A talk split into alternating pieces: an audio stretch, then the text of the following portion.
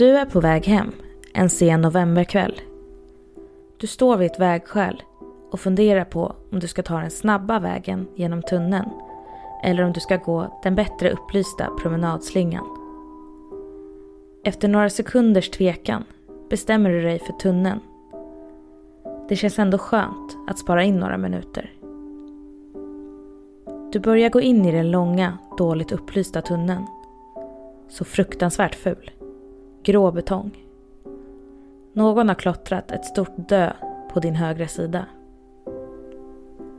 Då ser du hur någon är på väg emot dig. En ung kvinna kommer vandrande långsamt vid andra sidan av tunneln. Hon bär röda kläder och har en vit luva uppdragen. Hon närmar sig och du får känslan av att det kanske är ett barn, inte en kvinna. Hon ser så liten ut.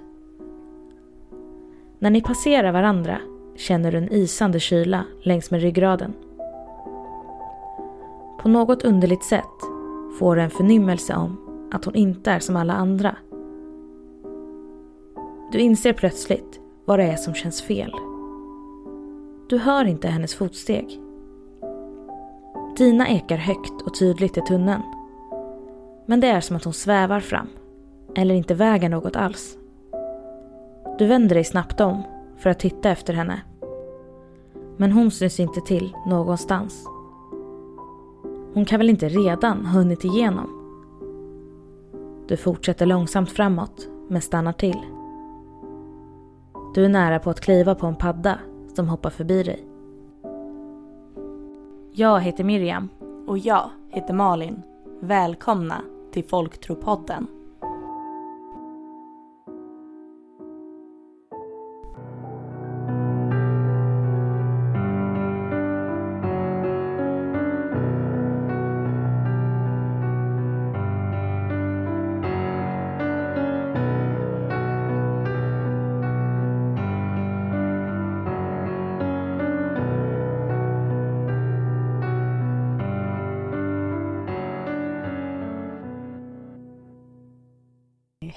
Och välkomna till avsnitt 29. Och i det här avsnittet så har vi faktiskt med oss en samarbetspartner. Ja, vi kommer göra avsnittet i samarbete med Oknytt. Som flera av er säkert känner igen från vår Instagram. Exakt. Och det som är så roligt med just det här samarbetet det är ju att det är något som verkligen hänger ihop med vad vi gör. Mm. Eh, För det här är ju en eh, grupp med konstnärer som gör utställningar om folktrovarelser. Ja, den utställningen de ska göra nu, eller håller på med nu, den handlar bland annat om, eller där får man möta vittror och älvor och andra typer av väsen och odjur som eh, hör hemma här i Norden. Och den är då, om ni vill åka och titta på den live så att säga, på riktigt, så kan ni åka till Jämtlis nationalmuseum i Östersund. Och den här utställningen håller på fram till 8 mars. Och som sagt, om ni inte redan har gjort det så gå in och kolla antingen via vår Instagram, Mm. för vi har delat några bilder från dem. Eller gå in direkt på Oknytts Instagram. De har helt otroliga bilder. Ja, de gör ju de här med hjälp av eh, dockmakeri bland annat. Så det ser ju väldigt eh, coolt ut. Så vi, vi har ju liksom haft nys på varandra ganska länge och följt varandra. Så det blir kul att vi kunde få ihop det här samarbetet. Jätteroligt, verkligen. Och vi tror ju att eh, flera av er redan har hört om det här och vi vet att några av er redan har varit eller ska dit. Så eh, ja, ja men det här känns ju jättebra. Jag hoppas verkligen att vi får tillfälle att åka dit och se den här utställningen. Ja, Men det är ju lite långt bort från oss. Så är det ju. De kanske kommer närmare så småningom. Men ja, vi har ju ett par månader på oss så det kanske går. I samband med om man ska upp och åka skidor eller något. Ja, det kommer ju aldrig hända Nej, i min inte. värld. Men eh, Miriam kanske åker skidor. Ja, och de har faktiskt eh, hjälpt oss på flera sätt idag. För de har eh, hjälpt oss med eh, en stor del av eh, researchen till det här avsnittet. Ja, de hade en del, hel del artiklar och så sparat verkar det som. Så det ja. finns ju mycket kunskap där verkligen. ja, de har ju även skannat in gamla böcker. Som är skrivna av då bland annat Ebbe Schön och Karin Nettelund med flera. Men det jag reagerade på lite var just Ebbe Schön. Mm. Eh, För vi, jag och, eller jag, jag och mina kompisar, vi och våra kompisar Ja. tittade alltid på en VHS, som vi gjorde på den tiden, med spökhistorier. Och då pratade just Schön emellan alla de här historierna och berättade om olika folktroväsen från Sverige. Som tomtar och troll och vättar. Och vi skrattade ju alltid så mycket åt det här. Vi tyckte han var så gullig. Ja. Och jag har sagt faktiskt ganska mycket. Han finns ju, en hel del av hans grejer finns på YouTube också. Och han har skrivit jättemånga böcker. Ja. Och de, eh, det väsen vi ska prata om idag är ju vittror. Och eh, de hör ju ihop med eh, det här som ofta kallas för de osynliga eh, i Eller Sverige. hundrafolket. I Norge, men även i vissa delar av Sverige. Och även oknytt faktiskt. Precis. Så eh, det här är ju verkligen eh, Norrland. Tänker jag. Just vittrorna ja. Ja. Mm. Ja, framförallt namnet vittror. Ja. Många tror ju, ja det kommer vi komma in på mer i faktan, men att vittror skulle kunna vara vår, eller deras namn på vårt skogsrå. Mm.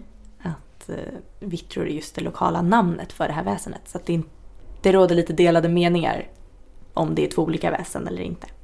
Ja, och jag tycker det är lite kul att eh, många av våra mejl kommer från just personer som bor i Norrland. Så det, man märker att det finns mycket historier, verkligen, att hämta därifrån. Ja, vi tror säkert att vi kommer få en del respons på det här avsnittet också. Och vi har redan fått in en del mejl bland annat om människor som säger sig ha mött vittror på olika sätt. Ja, vi ska läsa upp några av dem sen och det är faktiskt riktigt spännande.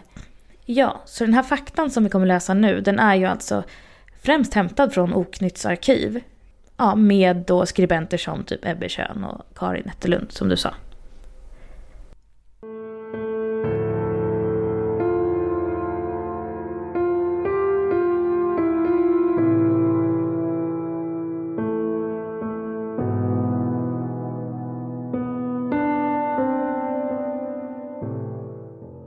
I Sveriges mörka, djupa skogar har vi människor i århundraden trott oss se och möta olika varelser och väsen som sägs leva djupt där inne.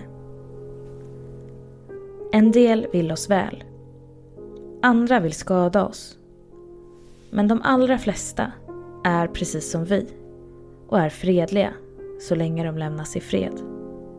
En av alla dessa varelser det talats om är vittror.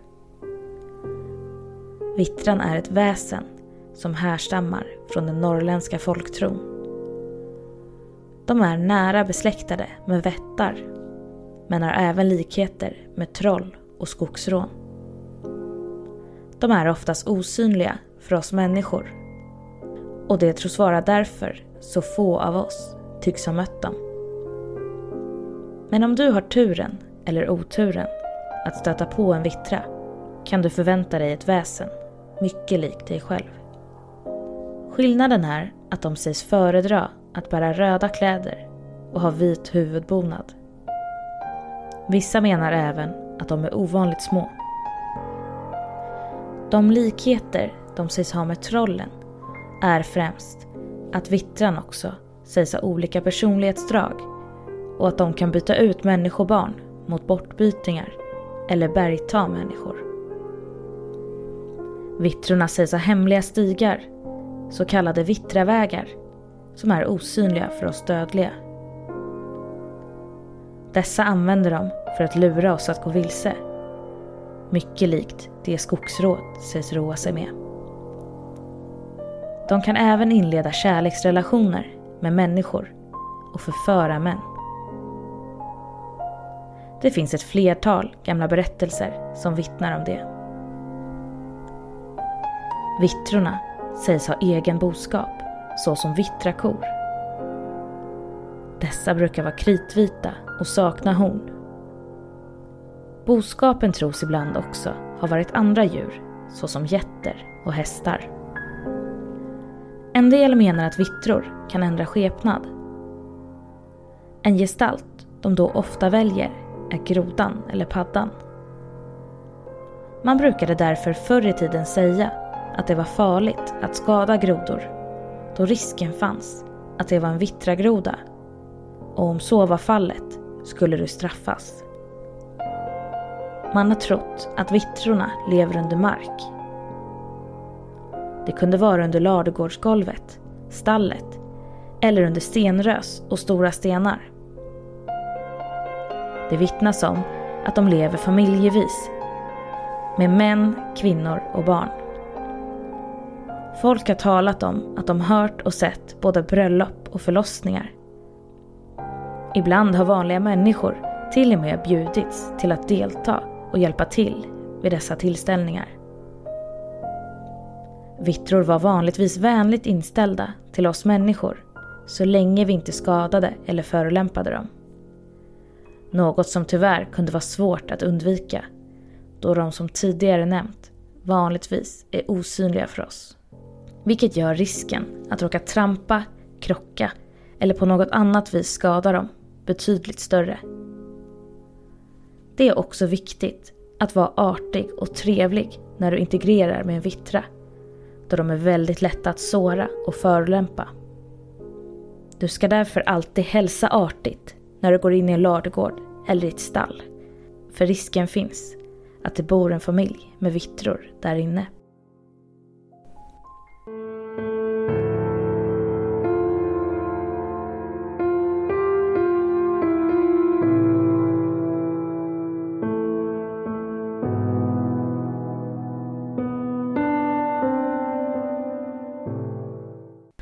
Ja, alltså mycket av det här var ju nytt för oss. Jo men det var ju som jag pratade med dig om här innan att ja, vi skulle prata om vad vi har för kopplingar till vittror. Mm. Och egentligen så har jag nog ingen alls. Mer än från Ronja Rövardotter, Vildvittrorna. Mm. Att jag har liksom alltid tagit för givet att det är baserat på vittror. Men det är det ju inte utan hon har ju bara, alltså Lindgren har ju bara tagit namnet. Eh, men det har gjort att jag, när jag försökte tänka mig hur en vittra såg ut innan vi började göra research, så tänkte jag mig något mera djuriskt. Någon lite halvmänniska. Så Mm. jag blev ganska förvånad över att de faktiskt ser ut precis som vi och lever väldigt likt vad vi gjorde förr i tiden. Eller hur vi gjorde förr i tiden. De tar hand om sitt boskap och de har förlossningar och bröllop och ceremonier. Och... Just det. Det var ju någonting också med, med boskapet där. att Jag läste lite kort i, i en av de här inskannade eh, texterna. Att eh, ibland så kunde man få med en sån här vittrako bland sitt boskap. Ett sätt att fösa ut den var ju det här med att ta någonting i järn runt den. Mm. Jo men det återkommer väl väldigt ofta i just svensk folktro framförallt. Med det här med stål och järn. Mm. Att det skyddar mot oknytt. Ja, just det. Sen tycker jag också att det är lite spännande att det finns mycket saker att jämföra med vårt älvavsnitt. Att Mm. även vittror är väldigt, väldigt lätta att förolämpa. Ja, Men också väldigt lätta att, ja men som de säger att i och med att de är osynliga så är det ju väldigt lätt att du på något sätt gör dem illa utan att det är meningen. Mhm. Och sen som sagt att de är väldigt lätt förnärmade. Att om du inte hälsar när du går in i ett stall där det bor en vittra så kan de bli jätteupprörda. Fast du inte kan Ah. se dem och du har ingen aning om att de bor där. Och det verkar ju också komma igen bland flera väsen. Just det här att de lätt, lätta att förolämpa helt enkelt. Som jag nämnde innan så har vi också fått lite mail om just vittror. Ehm, Men det är också, ja men många berättar liksom sina, om sina liv och hur folktron har präglat deras uppväxt. Mm. Och eh, det är ju en person som är, ska vi se var han är ifrån, det vet jag. Jo, Jämtland såklart. Och eh, hans mormor har till exempel alltid hotat honom att bäckgubben ska ta honom. Mm. Om de leker vid bäcken. När de lekte på förskolan så hade han frågat då varför stubbarna var gröna. Och då hade hans lärare sagt att det var osynliga tomtar som målat dem. Så att eh, man kanske pratar på ett annorlunda sätt. Ja men jag kan tänka mig att det kanske lever kvar med det här arvet från folktron. Mm. Och han sa att eh, farmor sa att man skulle ropa akta er när man kastar diskvatten vid stugan så att de osynliga inte skulle bli blöta. Mm, just det. Precis som att man inte ska kissa i skogen utan att säga se upp innan. Ja just det, det hade vi i vårt 11 avsnitt va? Precis. Men framförallt så har han en berättelse som vi fastnade lite för. Det var att om en kväll han och hans vänner var ute och dansade. Och när de stod i en cirkel och dansade så blev han varm. Och tog han av sig sin tröja för att han hade ett linne på sig under. Då var det någon som höll in en tröja i danscirkeln. Men ingen såg varifrån tröjan kom. Men han tog den och la den i bakfickan. Sen var det en annan, annan av hans kompisar som hade blivit varm, men som inte hade en tröja under. Så då gav de honom den tröjan som han hade i fickan. Mm. Och hans kompis tar på sig den och dansar hela kvällen och sådär. Eh, och sen så går de hem. Och sen nästa dag så skämtar de om att så här, om, någon, om han hade hittat någon tjej den kvällen eller sådär. Då sa han nej och då hade de väl fortsatt och sagt att jo men du fick ju en så fin tröja. För att alla mindes den verkligen som eh, jättesnygg. Och då drar han kompisen fram en grå jätteurtvättad sladdrig trasa typ. Han jämför det med en sån tröja man tar på sig när man ska måla huset. Ja. Eller så. Ja, hela gänget kan flera historier om vittror och sådär. Så att eh, de har ju döpt den här tröjan till vittertröjan. För att den bara kom till dem, ingen såg vem som gav den. Alla minns den som jättesnygg den kvällen och sen så när de ser den dagen efter så är den liksom världens fulaste. Men gud. Och att alla minns den på ett helt annat sätt också. Ja, vad spännande. För jag menar okej att jag kan tänka mig att det var alkohol inblandat den här kvällen kanske. Kanske. Men fortfarande, det är ändå intressant att alla verkligen såhär, gud den där tröjan som var så jäkla snygg igår. Mm. Och sen plockar han fram den och det är bara skit. Ja, och vem gav den till dem? Nej. Gud, ja spännande. För det var ju, var ju uppenbarligen ingen som behövde en tröja just när tröjan räcktes fram heller. Nej. Det hade ju varit mer rimligt om det var någon som bad om en tröja och så kom det en tröja från någonstans som man inte... Men den här tröjan räcktes ju ändå bara fram i ett läge där ingen ens bad om den. Ja, kanske att de ville ge den till han skribenten då för att han hade to- eller liksom bara ett linne, jag vet inte. Ja. Men Ja men överhuvudtaget så känns det ju som att det här med vittror är väldigt, ja men just mystiskt. De är väldigt, ja men lika oss, ja men lite som våran skuggversion, lite som även, lite som även trollen är. mm, Att de som sagt lever sina liv i skuggan av oss. Och lever väldigt likt men det är vissa skillnader. Ovanligt vackra precis som nästan alla varelser ja, brukar vara. och att de, de har förfört både kvinnor och män genom åren. Mm. För vittror kan ju vara eh, också män. Precis, ja men det kan ju vara både kvinnor och män. Sen är det ju oftast historier om kvinnor som förför. Men det finns även män. Men det är ju precis som det har varit med till exempel skogsråd. Att det finns ju gamla rättegångar eller Ja, säga, precis. Där folk har hävdat att de har blivit förförda av vittror. Mm. Sen är det ju det här med att ordet vittra kom ju till lite senare. Jaså, det visste inte jag. Eh, Det var... Eller nej, förlåt, undrar om jag blandar ihop det nu. Att det var... För det jag vet var att vette och vittra var samma ord Ah, förr i tiden. Och att vittra var ett samlingsnamn, precis som det osynliga eller oknytt. okej. Att vittra var ett samlingsnamn för alltihopa och vittra och vättar var precis samma sak. Och därför så har det varit lite svårt att veta vad folk pratade om. Mm. Det är nog därför också som det råder lite delade meningar om vittra faktiskt är en egen varelse eller om det som sagt är regionsstyrt. Att vittra är ordet för skogsrå. Precis som Ja. huldra är ordet för skogsrå i vissa regioner. Ja, just det. Ja, för det stod i den här texten också att exakt in, vid norra gränsen där det liksom pratet om skogsrån tar slut, där börjar, det är liksom södra gränsen för där man börjar prata om vittror. Så i den texten så men, menar de ju då att det verkligen är varandras, alltså att de är samma. Ja. Men samtidigt så håller jag inte riktigt med av Nej. det jag läst. Det pratas ju aldrig om att vittror skulle ha den här äh, trädstammen till rygg eller att de skulle ha en rävsvans eller, eller bara det att jag får känslan av att ett skogsrå lever ensam. Ah, Inte lever i de här kollektiven som vittror gör. Just det. Vittrorna lever ju i som byar eller kollektiv med män och kvinnor och barn och, Ja, och den uppfattningen har jag inte fått att ett skogsrå skulle göra. just det. Vittror lever ju ibland under skogsdubbar och sådär, sägs det. Mm. Och då måste de ju vara väldigt små. Ja. Medan vissa säger att de då är nästan till normalstora. Det är ju också en... Jag vet inte om det är regionalt eller vad det beror på att man tänker sig olika. Nej, för jag hittade ju fakta både om att de var, ja, men som du säger, ovanligt små, Mm. mer som vättar. Även några att de var ovanligt stora. Jaha. Och sen de flesta verkar ju tycka att de var som vi. Men som sagt, vissa historier var de även större än vad vi är. Det kanske beror på att vittror har varit ett samlingsnamn. Tror du inte? Om det nu stämmer. Det låter ju väldigt troligt faktiskt. Mm. För jag tänker ju att de här små, det kanske är, ja men till exempel att det då är vättar de pratar om. Mm. Och att de som är större, det kanske till och med är jättar eller någon annan varelse som det pratas om. Att det är just det här att folk visste inte riktigt vad som var en vittra. Och sen har man översatt gamla böcker och sådär. Och så har man samlat ihop allting Ja, och försökt göra en fakta om det. så är det säkert.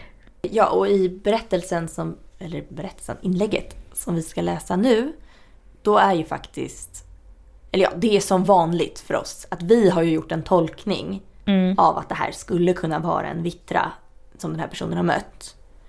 Eh, Det är ingenting som nämns i texten och för ovanlighetens skull nämns det faktiskt inte i kommentarerna heller.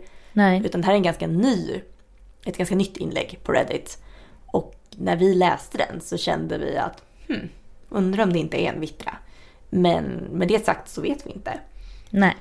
Men här är den i alla fall ovanligt stor. Och den, det här inlägget har skrivit, är skrivet av Vilsen Flicka på Reddit under forum NoSleep och lades upp för bara ett par månader sedan.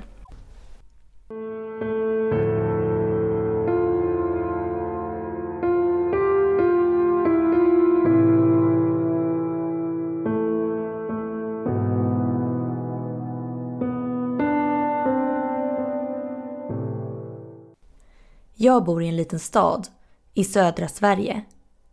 Jag har nära till både skogen och havet.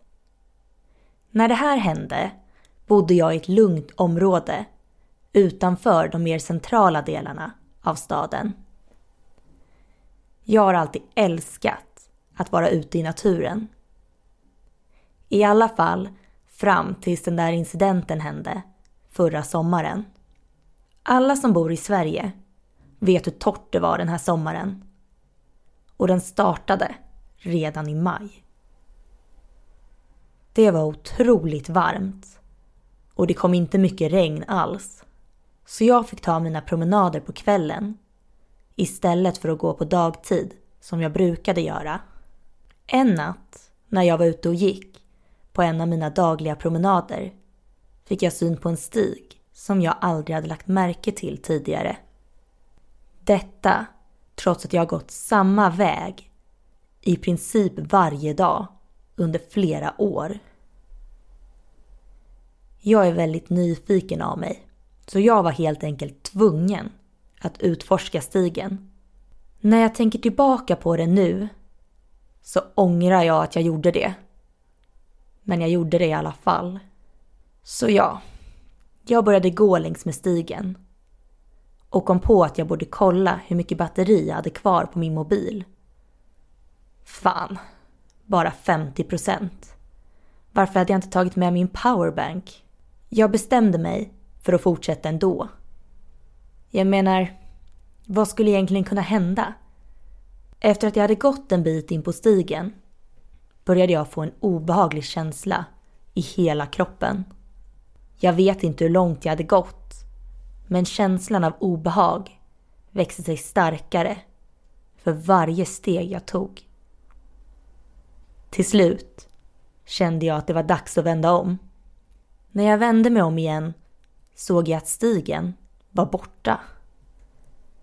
Det fanns inte längre någon stig alls bakom mig.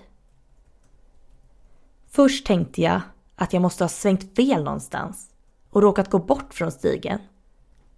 Men när jag vände mig framåt igen, åt det hållet jag varit på väg åt, så var stigen där igen. Jag tänkte att jag såklart måste ha inbillat mig alltihopa och fortsatte att gå längre in i skogen. Efter en stund kom jag fram till en glänta. Jag hade aldrig sett den här platsen tidigare och jag var väldigt fascinerad över att det fanns en så här vacker plats i skogen, så nära mitt hem. Jag gick runt en stund i gläntan och fick plötsligt tillbaka den där obehagliga känslan. Men den här gången var det inte bara en känsla. Det kändes som om jag inte längre var ensam. Jag kunde inte se eller höra någon, men på något sätt bara visste jag ändå. Jag var inte ensam. Jag började känna mig väldigt illa till mods och började gå långsamt ut ur skogen. Men jag kunde inte längre hitta stigen någonstans. Jag tog upp mobilen i fickan för att försöka kolla på en karta. Men jag kunde inte få någon signal. Fan! skrek jag, rätt ut i skogen. Och nu var den obehagliga känslan starkare än någonsin. Och jag la märke till att det började bli mörkt.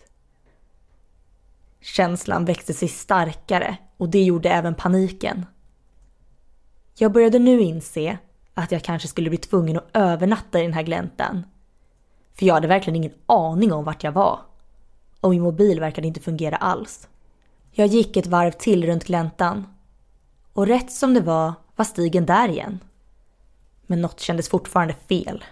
Fruktansvärt fel.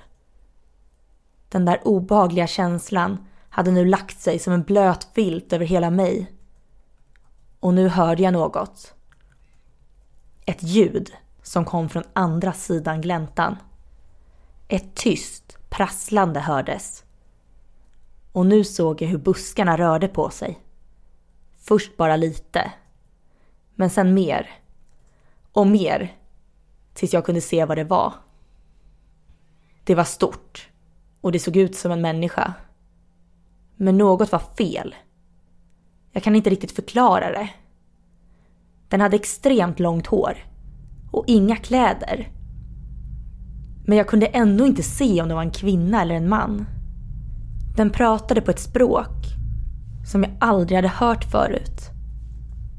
Jag var nu livrädd och jag kunde känna tårar som rann ner för mina kinder. Jag såg ner på min mobil igen. Fortfarande ingen signal. Jag insåg nu att jag var ensam, mitt ute i skogen. Jag visste inte vad jag var och en varelse rörde sig långsamt mot mig samtidigt som den pratade på ett främmande språk. Jag kände paniken stiga igen. Jag visste inte vad jag skulle göra. Jag vände mig om och såg att varelsen nu bara var cirka tre meter ifrån mig. Jag tittade runt i gläntan. Och där, där var plötsligt en ny stig igen. Äntligen kunde jag röra mig igen och jag började springa. Jag hörde varelsen skrika bakom mig. Och när jag vände mig om såg jag att den var precis hack i häl. Jag kunde känna dens andetag i nacken. Jag skrek rakt ut av ren skräck och fortsatte att springa. Jag struntade helt i vart jag hamnade. Jag ville bara komma så långt bort från den här varelsen som möjligt. Jag hörde hur skriken började tonas ut, mer och mer, och jag vågade sakta ner. Då öppnade sig skogen igen. Och jag insåg att jag var tillbaka i gläntan. Den där jävla gläntan. Jag såg mig omkring i ren panik och rädsla. Varelsen som tidigare förföljt mig syntes inte till någonstans. Det var dock svårt att se något i mörkret som nu lagt sig över skogen. Jag började gråta igen. Varför var jag tvungen att gå den där jävla stigen? Varför var jag så jävla nyfiken? Plötsligt hörde jag buskarna bakom mig prassla till. Jag ville verkligen inte vända mig om. Men jag gjorde det ändå. Och där stod varelsen igen. Den pratade. Och den här gången förstod jag vad den sa. Vänd dig inte om. Jag stod bara och stirrade på varelsen. Vänd dig inte om! Jag stirrade förvirrat på den. Och då hörde jag något bakom mig. Varelsen såg rakt på mig och viskade nästan helt ljudlöst. Vänd dig inte om. Nu var jag fullkomligt vettskrämd. Varelsen började gå mot mig. Jag stod bara där, helt paralyserad av skräck och oförmögen att röra minsta muskel. Varelsen var runt två meter lång. Håret föll en bra bit ner på ryggen och täckte nästan hela ansiktet. Allt jag kunde se var två glödande ögon. Varelsen var naken, men jag kunde fortfarande inte se om det var en man eller kvinna. Den såg mer androgyn ut. Den gick förbi mig och lukten fick mig att kräkas. Den luktade som ett utedass blandat med ruttet kött. Nu hörde jag det utmärkande skriket. Jag ville vända mig om och se efter vad det var. Men varelsens ord ekade i mitt huvud. Vänd dig inte om. Då uppenbarade sig från ingenstans stigen framför mig och jag började springa för mitt liv. Jag hörde hur skriket bakom mig kom längre och längre bort och till slut var jag ute på vägen igen. Den här gången vände jag mig om igen och upptäckte återigen att stigen var borta. Jag kunde inte höra ett enda ljud. Hela skogen var knäpptyst. Jag vände om igen och sprang hela vägen hem. Väl hemma insåg jag att klockan var tre på morgonen.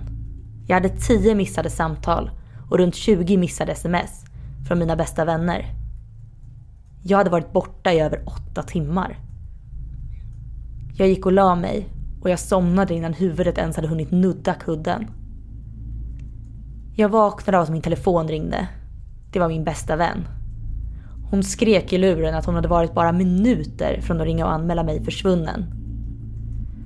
Jag sa att jag skulle försöka förklara allting senare. Hon accepterade det, även om hon fortfarande var arg. Jag sa hej då och la på.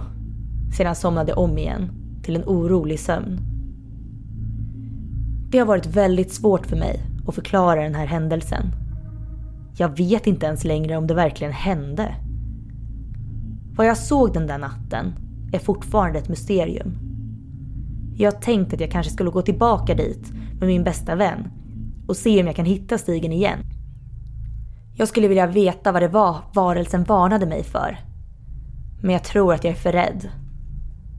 Jag har varit tillbaka i skogen flera gånger efter det där. Men jag går aldrig på stigar jag inte känner till.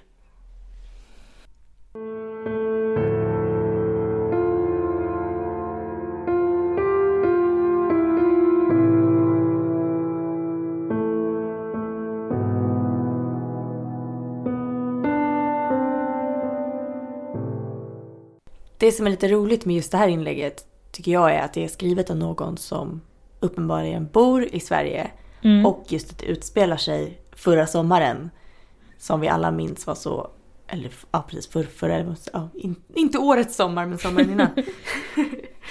som vi alla minns var så otroligt varm. Mm. Det gör ju att det känns mycket närmare. Ja, och jag gillar det här med att eh, hon tror att det här eh, vittran eller vad det nu är, är farlig först och sen så visar det sig att vittran varnar för någonting annat. Mm. Undrar vad det kan vara. Vad är det som finns ute i våra svenska skogar som vittran då varnar för? Ja, exakt. Något som du inte får titta på. Mm. Ja, vad är det egentligen? Nej, jag vet inte. Eller så kanske det inte är så. Det kanske, vittran kanske vet att du kommer bli helt vettskrämd om du ser den. Det kanske inte handlar om... Det kan det vara, ja. Vem vet. Men förstå vad obehagligt. När den här varelsen då, som vi tror är en vittra, kommer emot dig och ber dig att inte vända dig om samtidigt som du hör ett skrik bakom dig. Alltså, ja, fy. Det finns ju flera olika teorier och historier man ska säga, om hur vittrorna har kommit till. Ja. Och det tycker jag är lite udda. Det har vi inte riktigt hittat om någon av de andra. Det här är, det kommer väl också från Oknytt, eller hur? Den här informationen. Ja, precis. Från deras arkiv. Mm. Det är från de inskannade böckerna, bland annat. Den finns ju på andra ställen också såklart, informationen. Och den här är ju väldigt kristen. Just den här informationen, för den handlar ju om Eva och Adam bland annat. Ja. Att då så trodde man i en version till exempel att Eva och Adam hade fått jättemånga barn.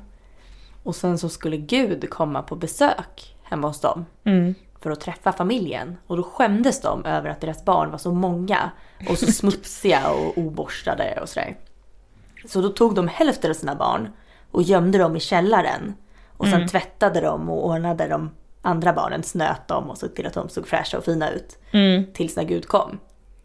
Och då ska Gud ha sagt att eftersom ni har gömt de här andra barnen i källaren så kommer jag att göra dem osynliga.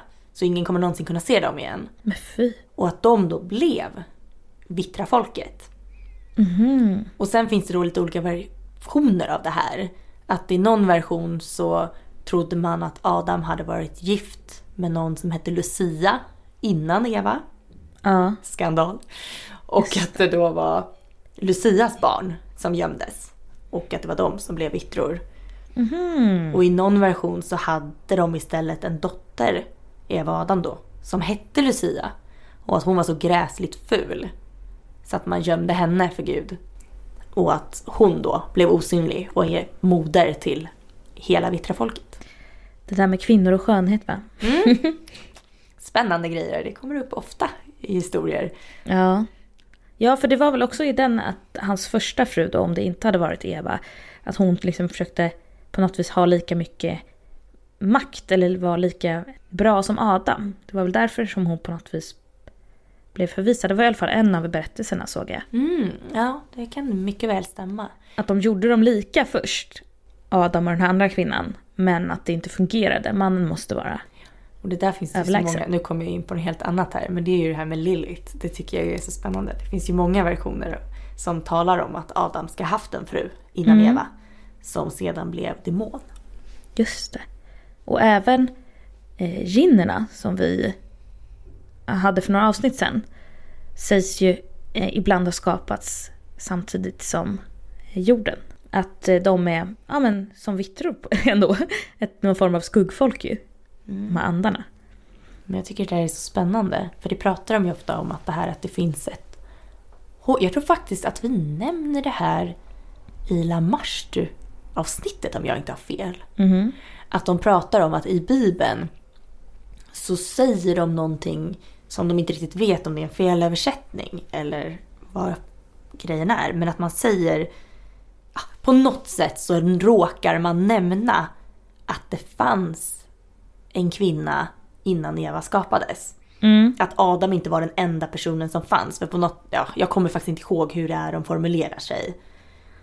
Om de säger att de skapade Adam och sen så... Ja, jag kommer inte ihåg. Eva är ju alltid skapad av ett revben va? Mm, precis, men det här, ja, jag kommer inte ihåg hur det är men på något sätt så råkar de nämna det som om det redan fanns två personer Mhm. när Eva skapades. Att Eva inte var den enda personen. Eller om det till och med är så att det fanns en person innan Adam skapades. Och det är då i det glappet som man har fyllt i bland annat då Lucia men även Lilith. Om inte de är baserade på samma person, för det skulle det mycket väl kunna vara också. Ja, det är säkert inte helt ovanligt att man har hittat på eller funderat kring vad som skulle kunna hända runt då skapelsen och när människan skapades. Det kan jag tänka mig att många folktroberättelser kan härledas dit. Nej, men vi fick en kommentar på Facebook som handlade om kristendomen och det här med, vad var det nu igen? Jo, Gastar. gastar.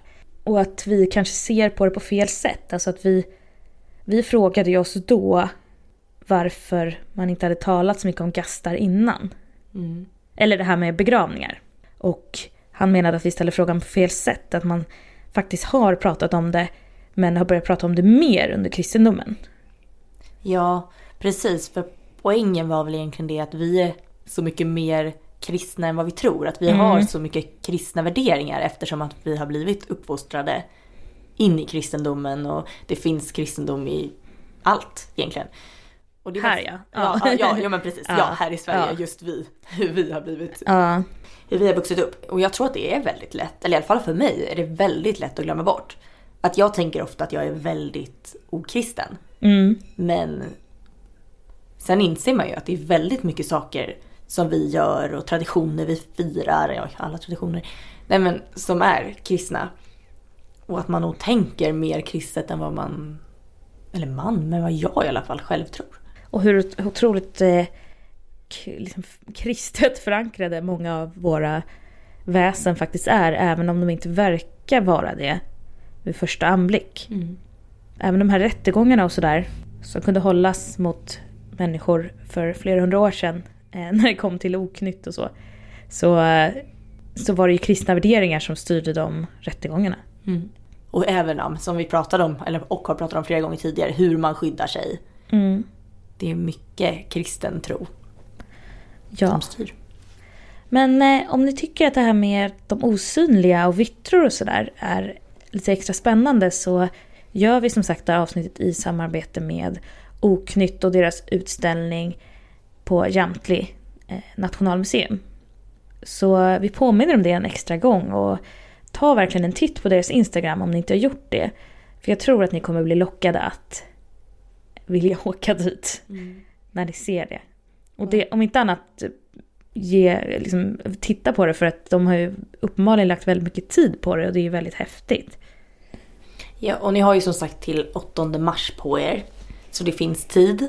Men vänta kanske inte för länge. om Man vet hur det blir. Eh, Men ja, jag uppmanar också att gå in och kolla. Det är helt otroliga bilder. Mm. Och det var allt vi hade den här veckan. Och nästa vecka är vi tillbaka igen. Mm, har vi någon liten hint att ge? Jag måste tänka efter. Ja. Jag, typ- jag bara det är så lätt att ge Nå, för det, mycket. jag känner det också. Nästan vad man än säger så. Men det kanske inte är det mest typiska. Jag tror inte det är någonting som ni skulle komma på att vi skulle prata om. Förstår du hur jag tänker? Det är inte ett Ja. väsen på det sättet eller en varelse på det sättet. Det är kanske lite outside the box. Det här är något som pratas om över hela världen. Mm. Ja. Och det är inte knappt ens knutet till någon speciell tro eller någonting. Nej, men det är också en, ett fenomen, eller vad man nu ska kalla det, som tas upp i ganska mycket serier och filmer. Och det är uråldrigt. Mm. Okej, vi heter ju Folktropodden och finns på Facebook och Instagram. Och vi har vår mejl folktropodden gmail.com. Så hör gärna av er. Hej då! Hej då!